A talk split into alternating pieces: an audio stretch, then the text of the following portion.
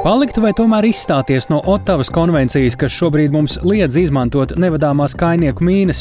Politiķi nolēmuši sākt dialogu ar Lietuvu un Igauniju par kopīgu nostāju. Plašāk par to jau pēc brīža raidījumā pēcpusdienā.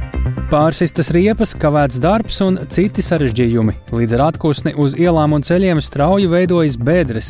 Kāda no tām vakar kļuva par iemeslu septiņiem negadījumiem? Tur jau kāds 4-5 mašīnas stāv pārsistām riepām, varat aizbraukt, tur reportāža būs jums laba un Latvijas jaunie sportisti ar panākumiem startē jaunatnes Ziemas Olimpiskajās spēlēs Dienvidkorejā. Par to visu plašāk raidījumā pēcpusdiena kopā ar mani Tāli Eipuru.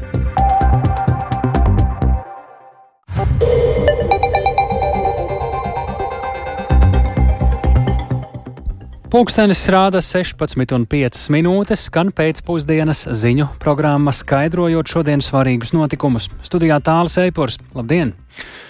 Palikt vai tomēr izstāties no Ottavas konvencijas, kas šobrīd mums liedz izmantot nevadāmās kainieku mīnas. Par to šodien diskutēja opozīcijas pārstāvju vadītās Saimnes ārlietu komisijas un aizsardzības iekšlietu un korupcijas novēršanas komisijas kopsēdē.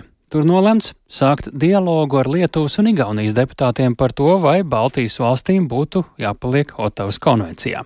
Plašāk Agnijas Lazdiņas ierakstā.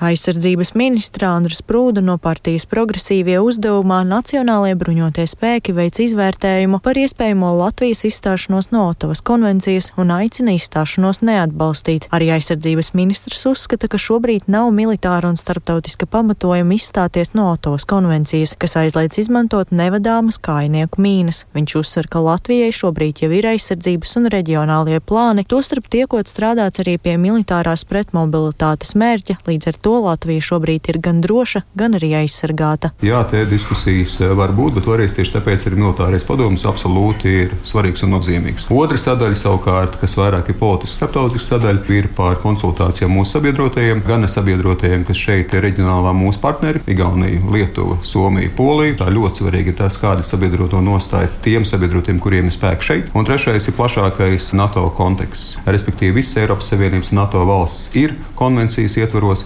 Jā, ASV nav formāli, bet ir de facto. Mēs principā runājam par to, ka Latvija varētu būt vienīgā valsts no mūsu sabiedrotajiem, kas no šīs konvencijas izstātos. Arī ārlietu ministrijas parlamentārais sekretārs Rēnis Brusbārdis norāda, ka, lai gan Igaunijā un Lietuvā sarunas turpinās, esot skaidrs, ka situācija nemainīsies un no konvencijas šīs valstis neizstāsies. Tāpat parlamentārais sekretārs pauda, ka no juridiskās puses nav iespējams uz laiku no konvencijas izstāties. Tāpēc jautājums ir, būt vai nebūt Otovas konvencijā. Konvencijas izstāšanās tādā gadījumā tie ir seši mēneši, kamēr patiešām izstāšanās notiek. Respektīvi, process, kurā tas tiek ziņots, ir diezgan komplicēts, kurā gan ir nepieciešama skaidrojošā daļa, ir nepieciešams iet cauri ANO ģenerālsekretāri, ir nepieciešams iet cauri ANO drošības padomu. Tā kā kopumā šī procedūra ir gan sarežģīta un viņa nav vienkārši tādā ziņā, ka viņa prasa zināmas procedūras, kas nav vienkārši denoncēšana un process ir beidzies. Ārlietu komisijas priekšsēdētājs Rihards Kols no Nacionālās apvienības skaidro, ka katra Baltijas valsts pat laban ir pateikusi, ka vismaz valdības līmenī šobrīd neizskata iespēju izstāties no konvencijas, vienlaikus esot saklausāma pozīcija, ja to darītu kolektīvi un ne tikai Baltijas valstis, bet arī Polija un Somija, tad tam arī varētu būt jēga. Sausais atlikums, ko es varētu teikt, ir kopsēdē, ka abas divas komisijas mēs uh, veidosim pārstāvniecību abām komisijām, lai uzsāktu dialogu ar Lietuvu un Igauniju. Igauniju parlamentārā līmenī, uzzināt viņu viedokli. Ne jau tādā, vai jūs tagad stāsieties ārā, bet vienkārši runāt pēc būtības. Ja mēs to darām trietā, vai tam ir jēga, vai tas, pieņemsim, efektivizē mūsu spējas aizsargāties potenciāli agresijas gadījumā. Tikmēr sabiedrības iniciatīvu portālā Mana balss LV turpinās parakstu vākšana par Latvijas izstāšanos no Otavas konvencijas, kur līdz šim savākti nedaudz vairāk par 3000 pārakstu. Agnija Lazdiņa, Latvijas radio. Turpinot par šo tēmatu, ir saprotams sabiedrības diskusijas, taču ir svarīgi uzticēties nacionālajiem bruņotajiem spēkiem un viņu viedoklim. Tā par Otavas konvenciju šodien pēc tikšanās pauda valsts prezidents Edgars Rinkēvičs un ministru prezidente Evika Siliņa. Kā norāda prezidents, diskusija, kā stiprināt valsts robežas aizsardzību, kādi būs nepieciešamie resursi un kādos termiņos to varēs īstenot, ir sākusies gan sabiedrībā, gan arī valdībā. Pašlaik ieceras ir plānu līmenī, bet konkrēti lēmumi būs ministru kabineta un aizsardzības ministrijas ziņā. Lūk, premjers un valsts prezidents sacītais. Es saprotu šīs diskusijas aspektus. Emocijas šobrīd par to, kas notiek Ukrajinā, par to, kādā veidā mēs visi diskutējam par dažādu veidu scenārijiem, kādu varētu skart mūsu tuvākajā laikā, ir ļoti augstas. Tā pašā laikā es arī domāju, ka mums visiem tomēr ir jāstrādā uz to, lai mēs būtu maksimāli sagatavoti visiem scenārijiem. Mums ir jāņem vērā profesionāļu viedoklis. Es domāju, ka diskusija par to, kādi ir labākie mūsu valsts aizsardzības mehānismi un veidi profesionāļu vidē, pat ja viedokļi atšķirās, ir ļoti cienījami, bet kas nav cienījami, ka tā vietā, lai runātu par praktiskām lietām, sākās jau nu, tāda savstarpēja apskaukšanās, kaut kāda veida jau pilnīgi nepieņemama histēriska diskusija, kas tikai grauj patiesību sakot, nevis stiprina mūsu valsts aizsardzību. Es pilnībā uzticos bruņoto spēku vadībai, es pilnībā uzticos arī tiem ekspertiem, kuriem ir cits viedoklis. Vēl viens aspekts, kas ir nemazāk būtisks. Nu, paskatīsimies kartē. Somija, Baltijas valsts, Polija robežojas ar Krieviju un Baltkrieviju. Ja mēs gribam efektīvu aizsardzības mehānismu, nevar būt tā, ka vienā valstī būs kaut kas viens, otrā cits. Jebkuram lēmumam par vienotas aizsardzības infrastruktūras izveidi ir jābūt saskaņotam Baltijas valsts, Somijas un arī polijas militāro speciālistu starpā. Un neaizmirsīsim, ka mēs esam daļa no kopīgas NATO aizsardzības plānošanas sistēmas. Arī tas ir jāņem vērā. Un mēs arī uzticamies Nacionālajiem bruņotajiem spēkiem, viņu izteiktajam viedoklim, un manuprāt, tas ir svarīgi. Ir tikai arī saprotami, ka mūsu sabiedrību interesē mūsu kopējā valsts drošība, un ir parādījusies šobrīd diskusija par Otavas konvenciju, par mīnām. Līdz ar to tas nozīmē, ka sabiedrībai patiešām rūp arī drošības jautājumi. Kopumā mēs noteikti esam iestājušies par vienotām vērtībām NATO dalībvalstīm. Tas ir arī svarīgi, lai šajā mīnu jautājumā mēs spētu visi kopīgi līdzdarboties. Arī šobrīd mācību laikā, saskaņojot savas aizsardzības spējas, saskaņojot savus ieročus, Jāpiebilst, ka pirms stundas ir sākusies Nacionālās drošības padomas sēde, kurā Nacionālajie bruņotie spēki ziņo par konkrētiem priekšlikumiem un nepieciešamo finansējumu, lai izbūvētu austrumu robežas militāro infrastruktūru. Bruņojums un sabiedroto atbalsts vēl daudz svarīgāks šobrīd ir Ukrainai, Kijivā. Šodien savā pirmajā vizītē ieradies Slovākijas premjers, jaunais premjers Roberts Fico. Viņa izteikumi par Ukrainu līdz šim ir bijuši visai kritiski. Tikmēr no Ukrainas joprojām izskan kritika par nepietiekamām rietumu militārā aprīkojuma piegādēm. Un runa nav tikai par munīciju un pretgaisa aizsardzību, jo aizvien turpinās Kievas sarunas ar Berlīni par spārnoto raķešu taurus piegādi. Plašāk par jaunāko šajā ziņā stāsta Rihards Plūme. Kā dadzis acīja Eiropas Savienībai un Ukrainai, pēdējā laikā piesaukta Ungārija. Tomēr līdz ar Roberta Fico nākšanu pie varas Slovākijā arī šīs valsts retorika attiecībā pret Kijevu nav bijusi no tām patīkamākajām. Fico, kurš iestājas pret militāro palīdzību Kijevai un pret sankcijām, kam pakļauta Krievija, nesen paziņojis, ka Ukraina nesot suverēna valsts un atrodoties pilnīgā ASV kontrolē. Tāpat viņš atkārtot iebildis pret Ukrainas uzņemšanu NATO. Skaidrs, ka līdz ar to Fico vizīte Ukrainā nav no tām siltākajām, ja salīdzinām ar Ukrainas tuvākajiem sabiedrotajiem. Ukrainas premjers Denis Šmihaļs šodien sacīja, ka neskatoties uz domstarpībām, Ukraina plāno veidot pragmatisku politiku ar Slovākiju. Fico uzaicināja Šmihaļu apmeklēt Slovākiju un atzina, ka ir daži jautājumi, par kuriem abām pusēm ir atšķirīgi viedokļi. Slovākija atbalstīs Kīvas virzību uz Eiropas Savienību, nekavēšot bloka finansiālo palīdzību Ukrainai Ukrainai, kā arī ļaus Ukrainas uzņēmumiem iepirkt militārās preces no Slovākijas uzņēmumiem. Tikmēr Ukrainas ārlietu ministrs Dmitro Kuleba šodien atkārtoti vērsies pie rietumu valdībām, norādot, ka sabiedrotie nepiegādā Ukrainai pietiekami daudz munīcijas un pretgaisa aizsardzības raķešu. Viņš atzina, ka joprojām turpinās sarunas ar Vāciju par spānoto raķešu taurus piegādi Kīvai.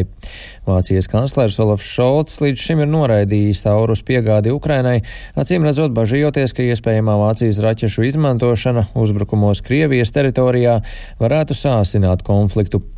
Kuleba intervijā Vācijas medijām vēlreiz gan centās kliedēt šīs bažas. Viņš norādīja, ka šīs raķetes Ukraina vēlas izmantot uzbrukumos Krievijas militārajai infrastruktūrai okupētajā Ukrainas teritorijā, nevis mērķiem Krievijā. Vācijas valdība šodien nolēmusi piegādāt Ukrainai sešus militāros helikopterus. Ar šādu paziņojumu klajā nākusi Vācijas aizsardzības ministrija. Dažādus helikopterus Ukrainai piegādājušas vairākas valstis, bet šī būs pirmā reize, kad tos piegādā arī Vācija. Reizē ar daudzfunkcionāliem lidaparātiem Ukrainai tiks piegādātas arī rezerves daļas un papildu aprīkojums. Ukrainas militāru personām tiks nodrošināta arī apmācība helikopteru lietošanā.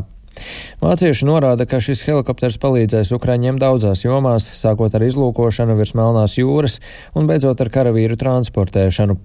Saskaņā ar Vācijas aizsardzības ministrijas sniegto informāciju, kopš Krievijas atkārtotā iebrukuma Ukrainā Vācija ir sniegusi Ukrainai militāro palīdzību aptuveni 6 miljārdu eiro apmērā. Rihards Plūme, Latvijas radio.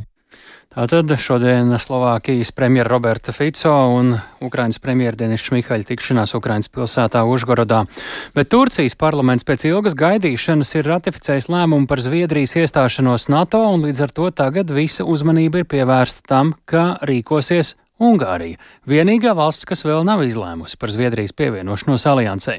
Ungārijas premjers Viktors Orbāns telefonu sarunā ar NATO ģenerālsekretāru Jens Stoltenbergu šodien paziņojis, ka joprojām atbalsta Zviedrijas pievienošanos aliansei, bet tā arī nav nosaucis konkrētu datumu, kad varētu notikt balsojums Ungārijas parlamentā. Jaunāko informāciju ir apkopojis mūsu Briseles korespondents Arčuns Konohovs. Šobrīd esam sazinājušies tiešraidē Arčum, kādēļ, tavuprāt, Ungārijas parlaments joprojām nav ratificējis lēmumu par Zviedrijas pievienošanos NATO, jo nu, mēs atceramies, Ungāri iepriekš bija sacījuši, ka nu, viņi nebūs tie pēdējie, bet tagad viņi tādi ir, kuri to varētu ratificēt. Tik tiešām Ungārija līdz šim ir teikuši, ka viņi nebūs pēdējie, un arī ļoti daudz diplomātu, ar kuriem man ir bijis iespēja šo mēnešu laikā runāt eh, neformāli, ir teikuši, ka uh, galvenais jautājums ir par to, kā rīkosies Turcija, un Ungārija pēdējā brīdī redzot, ka Turcija gatavojas ratificēt, tomēr rīkosies un uh, spērs soli, lai nebūtu pēdējiem. Un es esmu vairāk kārt uzdevis šo jautājumu dažāda veida diplomātiem, sakot, nu, kāda tad īsti ir tā Ungārijas motivācija vilkt garumā šo procesu, tomēr neratificēt, jo ir skaidrs, ka to varēja izdarīt jau sen, un tam ir bijis pietiekami daudz laika, bet skaidras atbildes īsti nevienam nav, pat neformālās sarunās par to, ko tad īsti varētu vēlēties Ungārija. Un tas jautājums joprojām arī paliek atklāts, kāda, īsti, kāda ir viņu spēle, bet acīm redzot, mēs varam tikai minēt jā, par to, kāda ir šie iemesli. Un te, protams, var redzēt jā, domstarpības starp Eiropas Savienības valstīm un Ungāriju par tiesiskumu, Zviedrijas kritiku līdzšinējo par situāciju Ungārijā, un arī mēs zinām par finanšu atbalstu Eiropas Savienībā. Ir diskusijas par to, kā palīdzēt Ukrainai pa 50 miljārdiem eiro. Visi šie jautājumi varētu būt saistīti, un, lai gan viņi nav juridiski, tad politiskā līmenī šie jautājumi ir saistīti, un iespējams, ka Budapešta mēģina rast atstāt sev kaut kādas mm, kārtas, ko izspēlēt, vēl varbūt kādu piekāpšanos no pārējām Eiropas Savienības valstīm, no Zviedrijas atsevišķi. Šobrīd, kā uz situāciju reaģē, tevis nu pat pieminētā Zviedrija, nu tur nekādu hopu vēl laikam nevar teikt, ņemot vērā līdzinējo pieredzi. Tik tiešām nekādu hop nevar teikt, un arī Zviedrijas ārlietu ministrs Tobijas Bilstrēms ir sacījis, ka arī ar Turciju vēl nevajadzētu steigties un pateikt, ka šis process būtu noslēdzies, jo arī tur vēl prezidentam ir parlamenta pieņemtais lēmums jāparaksta, un tad jānosūta šīs ratifikācijas dokuments NATO, tātad, lai šis process tiktu pilnībā pabeigts. Arī te varētu būt vēl zināma kavēšanās, ja vien Turcijas prezidents vēlēsies tādu sarīkot. Un, līdz šim arī Zviedrija ir izteikusies, ka viņi ir Zviedrijas amatpersonas ir izteikušās, ka viņi vēlas uh, turpināt sarunas ar um, Ungāriju, un, um, bet, nu, teiksim, tādā kaut kādā ļoti ātri braukt tagad pēc Orbāna ielūguma uz Ungārijas galvaspilsētu. Šķiet, ka arī neviens īsti uh, negrasās un drīzāk tiks iedurēta pauze vismaz līdz 1. februārī uh, paredzētajam Eiropas Savienības līderu uh, tikšanās reizē šim samitam. Tad arī mēs varētu prognozēt, ka varētu notikt Zviedrijas un Ungārijas premjeru tikšanās tepat Briselē. Bet paklausīsimies, kā šo visu ir komentējis komentējis Zviedrijas ārlietu ministrs. Det finns ju viktiga skillnader här som man måste komma ihåg. Det första är att eh, med Turkiet så... Ir svarīgi atzīmēt būtiskas atšķirības starp abām situācijām. Pirmkārt, ar Turciju mēs esam parakstījuši trīspusējo memorandu pēc NATO samita Madridē, kad Zviedrija saņēma ielūgumu pievienoties.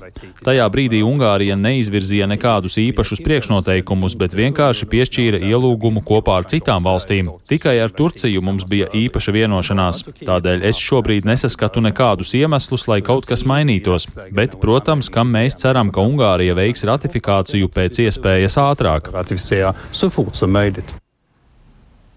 Nu, protams, rodas jautājums, ko tad īsti nozīmē pēc iespējas ātrāk. Šobrīd ir zināms, ka Ungārijas parlamentam ir pārtraukums starp sesijām, un deputāti varētu atgriezties februāra vidū. Līdz ar to tas droši vien būtu arī tas ātrākais laiks, kad viņi varētu ratificēt šo Zviedrijas pievienošanās lēmumu, šo lēmumu par viņu. Um, par, par, par to, lai Zviedrija kļūtu par NATO dalību valsts, un, uh, bet vai tas tā notiks jau februārī vai tomēr kaut kad vēlāk, nu, to tad uh, rādīs laiks un būs jāskatās, kā Ungārija vēl mēģinās rīkoties. Jā, atceramies, ka pirms krietniem mēnešiem pavasarī domājam, ka tas varbūt ir dažu nedēļu jautājums. Šobrīd esam jau nākamā gada janvārī. Paldies Arķimam Konohovam par šo un citiem tematiem rīt. Programmā Labrīt, pat Latvijas radio viens. Klausieties arī interviju ar NATO ģenerāla sekretāra vietnieku aizsardzību aizsardzības politikas un plānošanas jautājumos Angusu Lapslī. Inficēšanās ar ļoti lipīgām maslām saslimšana Eiropā šī gada laikā ir pieaugusi pat 30 reižu, jau pārsniedzot 30 tūkstošu gadījumu. Tā ir paziņojusi Pasaules veselības organizācija, aicinot steidzami veicināt vakcināciju. Par masalu gadījumiem ziņojušas 40 no 53 valstīm Eiropas reģionā. Vissliktākā situācija konstatēta Krievijā un Kazahstānā, taču arī Rietumē Eiropā saslimstība ar masalām ir pieaugusi. Latvijā pērn zināms tikai viens inficēšanās gadījums, un situācija pie mums ir stabila. Vienlaikus speciālisti norāda uz riskiem, ņemot vērā, ka ir samazinājusies vakcinācijas aptvere. Plašāk Sintīs Ambotas ierakstā. Pasaules veselības organizācija saslimstības ar masalām pieaugumu skaidro ar to, ka Covid-19 pandēmijas laikā vakcināciju skaits pret šo slimību samazinājās, tādēļ tagad nepieciešami steidzami pasākumi, lai novērstu turpmāku izplatību. Dati liecina, ka aptuveni 1,8 miljonu zīdaiņu Eiropas reģionā laikā no 2020. līdz 2022. gadam netika vakcinēti pret masalām. Slimību profilakses un kontrolas centra epidemiologs Jurijs Perevoščikovs norāda, ka pērn Latvijā reģistrēts tikai viens saslimstības saslimšanas gadījums ar masalām.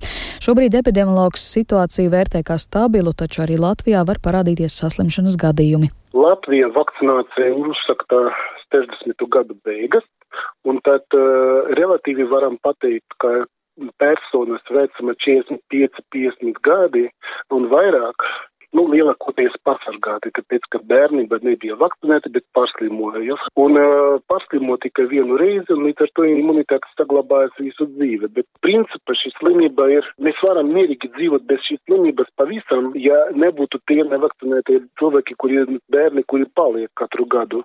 Bet dažu gadu garumā summējoties, uzkrājas šo uzņēmīgu bērnu skaits ir diezgan liels, un slimība uzliesmo.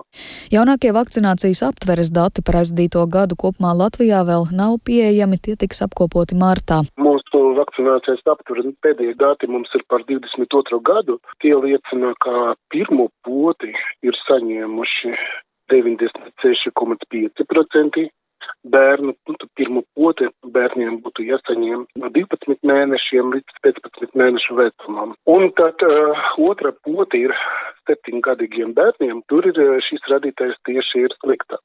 Viņš ir 85,8%. Pasaules veselības organizācija norādījis, ka Eiropas reģionā novērots ne tikai masalu gadījumu skaita pieaugums, bet arī gandrīz 21 tūkstotis hospitalizācijas gadījumu un 5 ar masalām saistīti nāves gadījumi. Bērnu klīniskās universitātes slimnīcas bērnu infektoloģija un pediatra Dats Zavacka apstiprina, ka pērn Latvijā bijis tikai viens saslimšanas gadījums, bet aicina vecākus sekot līdzi vakcinācijas kalendāram. Ja mēs paskatāmies, tad kopējo Eiropas vakcinācijas aptvērumu, kas bija pirms pandēmijas 96%, kopumā, lai masalas necirkulētu, ir nepieciešama 95%, tad uh, trīs gadu laikā Eiropā tā bija nokritusies līdz 93%. Uh, procentiem, kas it kā liekas tikai 3%, bet uh, masala izplatība gadījumā tas ir ļoti būtiski. Arī ģimenes vakcinācijas centrā mēs to patiesībā pēdējā laikā vairāk redzam, kad uh, vecākiem šķiet vēl jau ir laiks jāpagaida kaut kas, bet tas ir bīstami. Tāpatās kā iesaisties Rīgā automašīnā un drošības joslas pieprādēt tikai kaut kur pie Vēnspils. Jo vakcinācijas kalendārā konkrētā vakcīna ir jēgpilni, tur ielikta noteiktā laikā, un jo vairāk mēs kavējamies, jo vairāk mēs pakļaujam sevi riskam.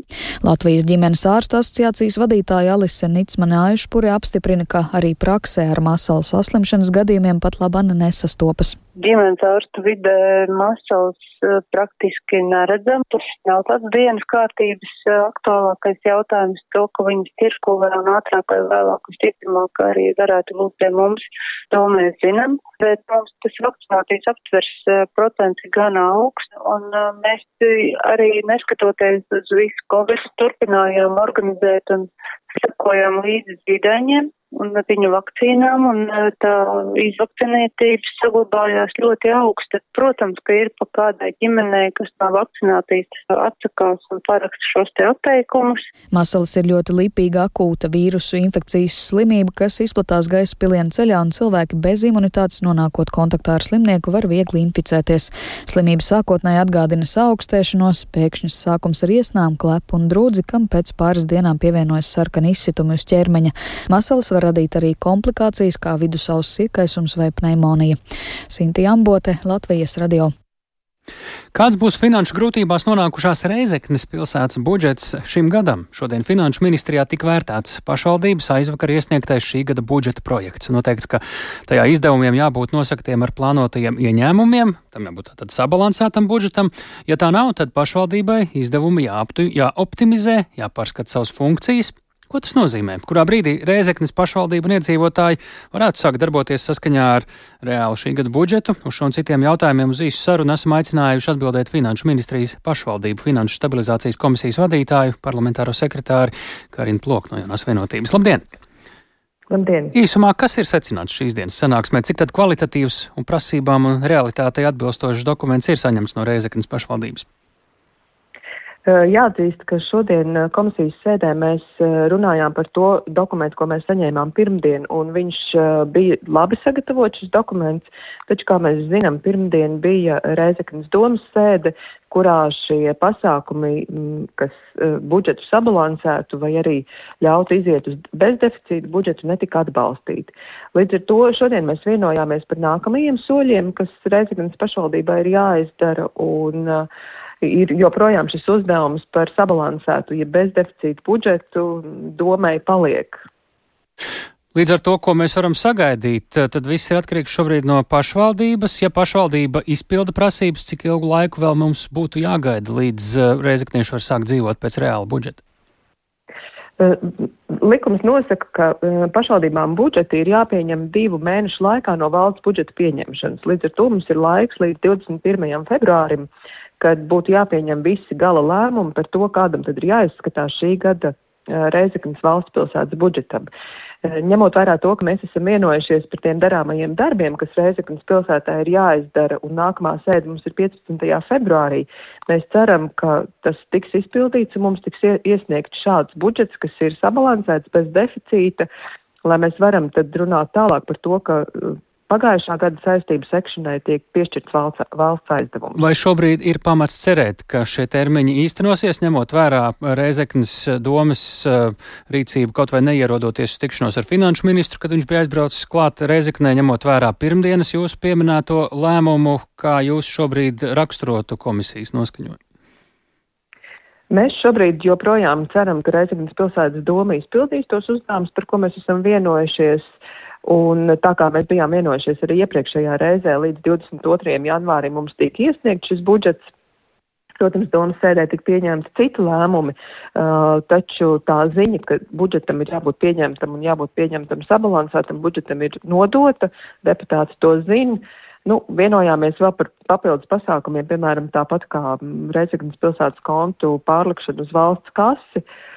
Arī par to progresu viņiem nākamajā sēdē vajadzēs ziņot. Nu, mēs esam katrā gadījumā vienojušies par šiem, mm -hmm. par šiem pasākumiem un ceram, ka Reizekne to pildīs. Paldies par sarunu. To mēs sakām Karinai Plokai, Finanšu ministrijas pašvaldību finanšu stabilizācijas komisijas vadītājai un parlamentārajai sekretārei. Atgādinām, ka Reizeknas pilsētas finanšu grūtības izgaismojās, kad pašvaldība vairs nespēja sekt saistības par spā kompleksa būvniecību. Pēc tam atbildīgā ministrija no amata atbrīvoja arī pilsētas mēra Aleksandru Bartaševiču un sekoja nopietnu valdības iesaistīšanās situācijas stabilizēšanā. Reizekne gan nav vienīgā pašvaldība ar nopietnu robu budžetā. Sarežģīta situācija ir arī virkne citu pašvaldību un rīt raidījumā labrīt, kolēģi no Latgales studijas plašāk ielūkosies situācijā balvos. Pārsistas riepas un iespējams kavēts darbs un citi sarežģījumi. Līdz ar atpūsni Rīgas ielās masveidā veidojas bēdras. Sašutumu par to iedzīvotāji pauž arī sociālajās platformās, savukārt par kādu bīstamu bedri pie jūrmalas brīdinājusi pat valsts policija. Iemesls vakar likumsargi ir fiksējuši septiņus negadījumus, kuros autovadītāji vienā bedrē sabojājuši savus automašīnas. Plašāk Viktora Demidova reportāžā. Redzi, kas te ir. Ritīgi, ne? Pasies, te jālaiž tā kā salomā, ne? Rīgā brauciens pa eksporta ielu līdzinās piedzīvojumam, lai izvairītos no daudzajām bedrēm Latvijas radio šoferim nākas lavierēt. Izdangāts ceļš vietām ir arī biķernieku robežu gaujas un citās ielās. Milzīga bedre izveidojusies Aristīda Brijāna ielā pie krustojuma ar Krišāņu Valdemāru ielu. Lūk, ko par ceļu stāvokli Rīgā saka uzrunātie autovadītāji un gājēji. No vecmogrāvi uz Milgrāvi braucot, tur jau kāds 4-5 mašīnas stāv pār visām riepām, varat aizbraukt, tur reportāža būs jums laba. Bet vispār ir traki šobrīd. Ļoti traki. Tragiski, ka bedres viena uz otras. Īpaši to ganību dāmas bija pabrauc. Tie lielie, es nesaprotu, kāpēc tur asfaltam lietot, tur betonu jāliek. Arī uz vecmogrāvi. Un gandrīz pārsita riepu jātaisa jau šīs mazās, kur lielie brauc rekuši, kas tā eksporta iela, ganību dambis. Nu, pilns tāpat Nīcgalas iela, jā, visa aizsista. Kaut gan tur ir tā kā uztaisīta tā austrumu magistrāla, bet apkārt viss, viss ielas sadagātas. Ja salīdzina, man daudz jābrauc uz Tallinu un, teiksim, Viļņu. Ja to salīdzina, tad mums ir diezgan laba situācija pilsētā. Tikko braucu Brijāna un Valdemāra krustojumā. Nu, tur vakardien praktiski izbraukt nevarēja. Nu, šodien vismaz tajā lietas uh, pēķē liek asfaltu iekšā. Japānas pieredze uzliet apsildāmos ceļus. Viss. Laikam tas būs ļoti dārgi Rīgai. Tas atmaksātos vienkārši no saules baterijām apsildāmos ceļus, kas vienkārši atkusina līdz kaut kādai temperatūrai. Norvēģija salika, viņi jau visā Rīgā ieliek, tad pēc 20 gadiem tas atmaksāsies. Viss. Vienkārši šeit Latvijā ir ļoti sarežģīta situācija. Ne jau naudas trūkums. Saprāta trūkums. Par bedrēnām ielām iedzīvotāji aktīvi ziņo mobilajā lietotnē Veiss. Sabojātos ceļus izjūtot arī Rīgas domas ārtelpas un mobilitātes departamenta direktora pienākumu izpildītājs Jānis Vaivots, kurš ikdienā pārvietojoties gan ar privāto, gan sabiedrisko transportu. Lai gan kopš novembra vairāk nekā par pusmiljonu eiro pašvaldība Bedres ir salabojusi vismaz 10 tūkstošu kvadrātmetru platībā, Bedres pilsētā veidojas ātrāk nekā vietvara tās spēja novērst, atzīst Vaivots. Attiecībā uz jo biķernieku ielu, nu, tas nav nekāds pārteikums. Mēs jau īstenībā vasaras beigās teicām, ka šī būs viena no tām adresēm, kur būs problēmas. Pagājušajā vasaras sākumā bija plānots veikt šīs ielas seguma nomaiņu, tomēr saistībā ar visām peripētījām Rīgas domē un saistībā ar seguma labošanas darbiem šie darbi nenotika. Un, protams, šobrīd mēs redzam sekas attiecībā uz citiem segumiem, nu, kas nebija plānoti. Nu, tad, kā jau mēs saprotam, mums ir šādi klimatiski apstākļi.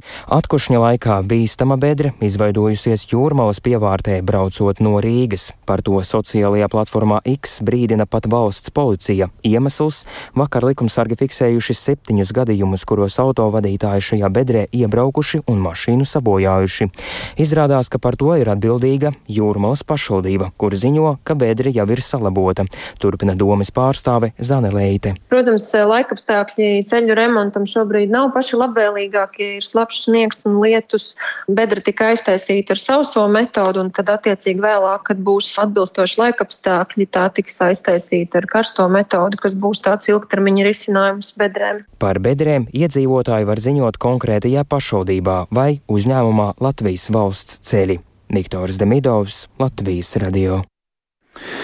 Latvijas radio uzrunātās apdrošinātāja kompānijas gan norāda, ka par bedrēs sabojātām automašīnām šogad autovadītāji pieteikuši mazāku kompensāciju nekā pērn. Piemēram, apdrošināšanas sabiedrībā Ergo informē, ka šomēnes saņēmuši nedaudz virs desmit kasko atlīdzību, savukārt pērn to bijis jau ap 30. Lielākā pieteikta atlīdzība šogad ir vairāk nekā 2220 eiro. Tas ir par gadījumu, kad uz šoseis iebraucot lielā bedrē pārsistas auto priekšējās riepas un sabojāti diski. Visvairāk gadījumu šomēnes pieteikts Rīgā, bet ir pieteikumi arī no Jūrmalas un Cēsīm. Mazāk autovadītāji šogad vēršas arī pie kompānijas Balta. Turpina uzņēmuma atlīdzības direktors Ingus Savīckis pieteikumu mums ir, bet, ja mēs salīdzinām ar pagājušā gada to pašu periodu, pirmām trim nedēļām, janvāra mēnesī, tad šo pieteikumu skaits ir mazāk par kādiem 30-40%. Paskatījos arī laika prognozes, un tas ir ļoti cieši saistīts ar tieši laika apstākļiem. Pagājušā gadā janvārī pirmā nedēļa faktiski bija atkušņa nedēļa, pēc tam iestājās neilgi saules, un pēc tam atkal turpinājās strauji atkusnes, un tas ir tie laika apstākļi, kas ir visu nu, tādi bojājošākie ceļa segumam. Un jāsaka, ka uz asfalta seguma šīs beigas, diemžēl, ir arī ļoti nepatīkami asas, un tad arī tiek bojāta ritošā sistēma, ne tikai riepas vien. Ja skatāmies mēs no šī gada laikapstākļiem, tad eh, šogad gads iesāktās ar stipri lielāku salu, un faktiski tas atklāsmes bija otrā nedēļā, kad uh, uz uh, brīdi bija atklāsmes, un tagad atkal iestājās saules, un šobrīd atkal ir atklāsmes, nu, kas nozīmē to, ka mēs tuvākā laikā tūlīt atkal saņemsim pieteikumus. Nu, ja es saku, ka šogad ir mazāk mazāk pieteikumu pagaidām bijuši, bet tas ir tikai tāpēc, ka uh, laika apstākļi atšķirās šī gada janvārī no pagājušā gada janvāra.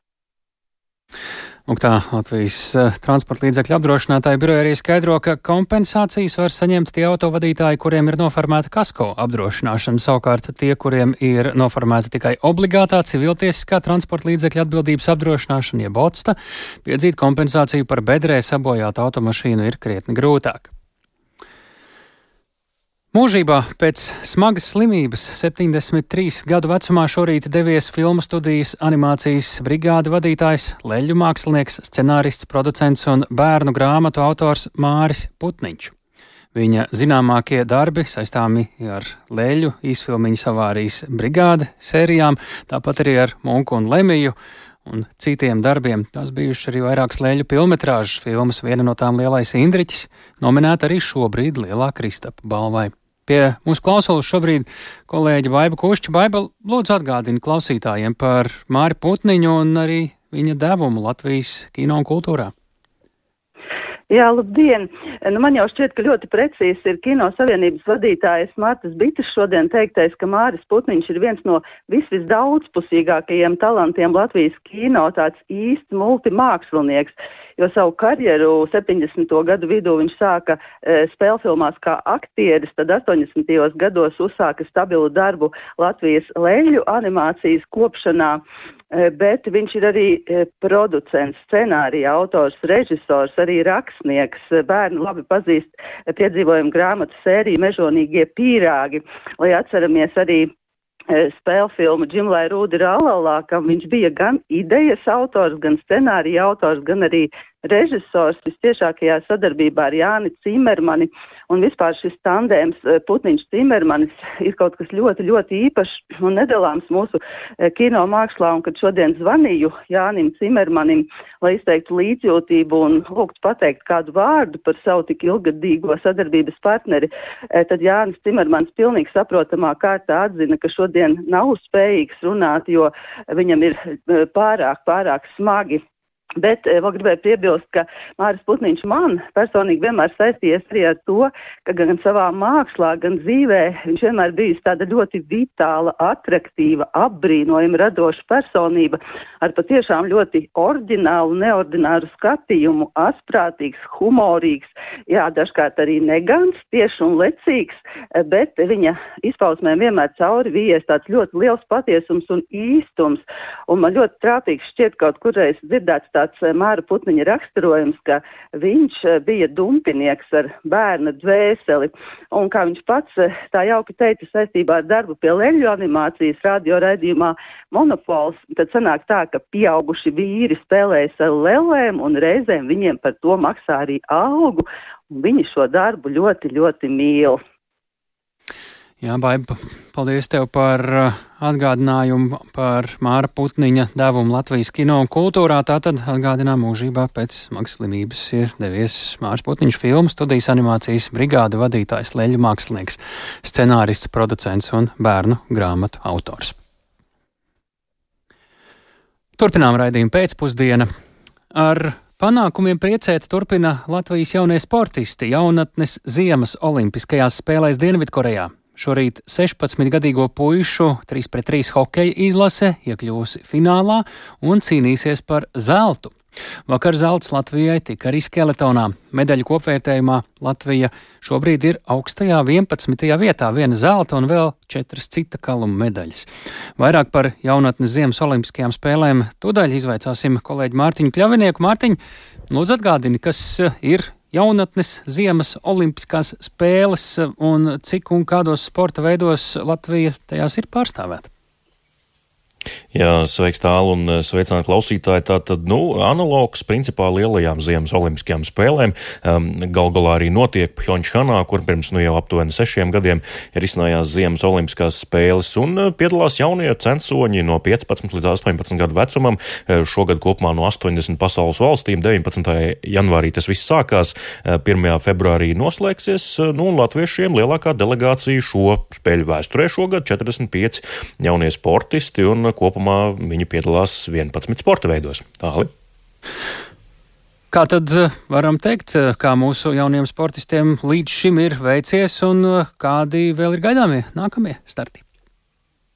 Jā, kā jau minēji, viena zelta medaļa, trīs sudrabi un vēl viena arī bronza. Kopvērtējumā 11. vieta medaļu ieskaitē, kur 29 valstis šobrīd ir kvalificējušās, tātad izcīnot vismaz vienu godalgu, un nu, tas ir ļoti labs rezultāts. Nu, un, ja mēs tā paveramies, kur tad šīs godalgas izcīnītas, tā ir rene, ledus rene, tātad gan kamniņu sports, gan arī skeletons. Skeletonā pilns medaļu komplekts, gan zelts puišiem, gan arī meitenēm sudrabs un bronza bronza, tāpat arī vēl kamaniņas atnesa divas medaļas kopumā. Tātad piecas godalgas, un tā trasa nav no tām vieglākajām jāpiebilst tālu. Tu tur esi bijis, tu tur to esi redzējis arī klātienē. Tur arī Latvijas pieaugušiem negāja nemaz tik viegli pirms sešiem gadiem. Bet nu, diezgan droši mums ir arī sastāvā medaļa jau garantēta. Tikai nevar zināt, kāda kaluma, jo 3 pret 3 hokeja rīt lielā fināla spēle, kur tieks neviens cits kā Latvija ar Dāniju. Kādas tur latviešiem ir izredzes izcīnīt zeltu? Rīt eh, septiņos no rīta sāksies šī spēle. Latvija, Dānija, jā, medaļa ir garantēta, sudrabs eh, vai zelts. Skaidrs, ka Latvijas komanda vēlas tikai un vienīgi izcīnīt zelta medaļu. To ir apliecinājis komandas kapteinis Olivers Mūrnieks, arī galvenais treneris Lauris Dārziņš ir izteicies, ka tas bija mērķis sākot šo ceļojumu, un tāds tas arī paliek joprojām, kad palikusi šī pēdējā spēle. Latvieši nav pārspēti vēl nevienā mačā šajā turnīrā. Visās astoņās spēlēs ir uzvarējuši, un grupā arī pret Dāņiem jau spēlēja, tad uzvarēja ar 11 6. Tieši ties Lauras Dārziņš sacīja, ka nu nevar ņemt šo spēli par atskaites punktu pirms rītdienas fināla, jo tur nevienai komandai īsti neko vairs nevajadzēja. Skaidrs jau bija, ka tiks tālāk kā viena tā otra. Nu, un paklausīsimies, ko tad sacīja Lauras Dārziņš pirms lielā rītdienas fināla. Es jau it kā esmu tāds vecā kaluma. Nu, man tās pārmaiņas parasti es tā ļoti piesardzīgi pret to visu. Turpretī man ir prieks, ka manī bija tā dzirkstele pastrādāt ar mūsu jauniešiem. Es esmu iepazinis šī 3x3 hokeja specifiku. Un jāsaka, ka, ka tur kaut kas ir. Jo hoķis ir skatāms. Mums ir bijušas tādas spēles, ka tiešām mūsu spēle Viņa skan kā melodija. Tas ir bauda acīm, vai tas spēj uzreiz tā izkonkurēt lielo hokeju. Ne man spriest, bet kopumā skaidrs, ka tā pasaule kļūst ātrāk. Tāpēc tāds 3-3 formāts, kur nav īsti jā, kaut kādas pauzes, kur nav daudz iemetienu, kur ir daudz momentu. Tam visam iespējams ir būt. Lūk, Lauris Dārziņš, Latvijas 3-3 jauno hokeistu mm -hmm. izlases galvenais treneris. Tātad, jā, Latvija-Dānija rīt lielā fināla spēle par zeltu. Nu, un te Lauris arī pastāstīja, kā viņš domā, vai 3-3 hokejs kādreiz varētu ienākt arī tādā pieaugušo līmenī, tādā nopietnā kādā kārtā. Nu, izskatās, ka viņa prāt, jā, tas tā varētu arī notikt. Tāli. Nu, re, nu 3-3 hokejs vēl dažos vārdos, uh, nu, ļoti, cik reāli tavuprāt ir, ka Latvija atkal varētu kļūt par uh, zelta ieguvēju šādā sporta veidā pret Dāņiem? Uh, tie rezultāti tavu acis, ko saka?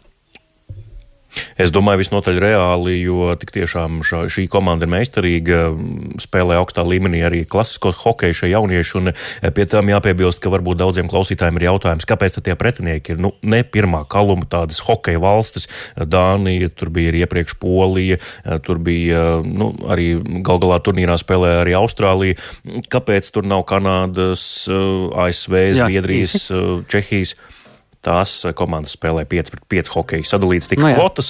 Pirmā roka bija lielvalstīm, viņas paņēma klasisko hokeju. Mums palika 3 pret 3, bet tas nozīmē, ja tur spīd zelts, kāpēc ne? Iegūt arī.